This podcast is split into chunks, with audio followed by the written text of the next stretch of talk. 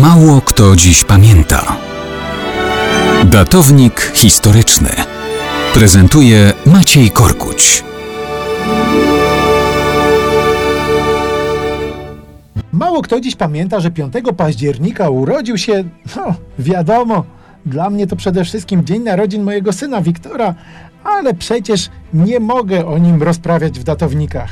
Dwa wieki z okładem wcześniej, 5 października 1802 roku, urodził się w podolskim Franpolu zapomniany już poeta i powstaniec Maurycy Gosławski. Był absolwentem sławnego wówczas Liceum Krzemienieckiego. Potem nauczycielem ziemiańskiej dziatwy. W Warszawie doby Królestwa Kongresowego został urzędnikiem w kancelarii wielkiego księcia Konstantego, a potem w kancelarii generała Iwana Dybicza. Z nim wziął udział w wojnie Rosji z Turcją, ale swego serca i poetyckiej duszy Rosji nie sprzedał. Kiedy wybuchło powstanie listopadowe, niezwłocznie zgłosił się do polskiego wojska. Jako oficer walczył w Legii Pieszej Litewsko-Ruskiej. Do ostatka sił bronił przed Rosjanami Zamościa. Zesłany na Sybir ucieka, przedziera się do austriackiej Galicji.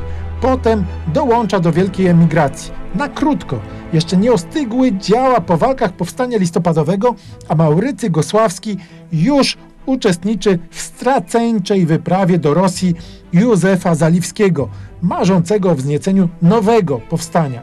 Pochwycony przez Rosjan zostaje uwięziony w Zaleszczykach, a potem w Stanisławowie. Tam w skrajnie trudnych warunkach opiekuje się jednym ze współwięźniów chorych na tyfus. Sam zostaje zarażony i w wieku zaledwie 27 lat umiera w stanisławowskiej tiurmie. Pozostała po nim urokliwa poezja i wspomnienia znajomych. Jeden z nich pisał o.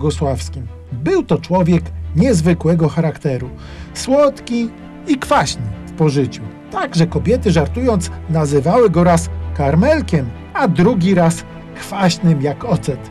Ja bym porównał go do dnia, w którym burza walczy z pogodą. Ech, o wiele łatwiej żyć w wolnej ojczyźnie, czego życzę na zawsze i Wiktorowi, i wszystkim Państwu, zarówno starszym, jak i tym najmłodszym.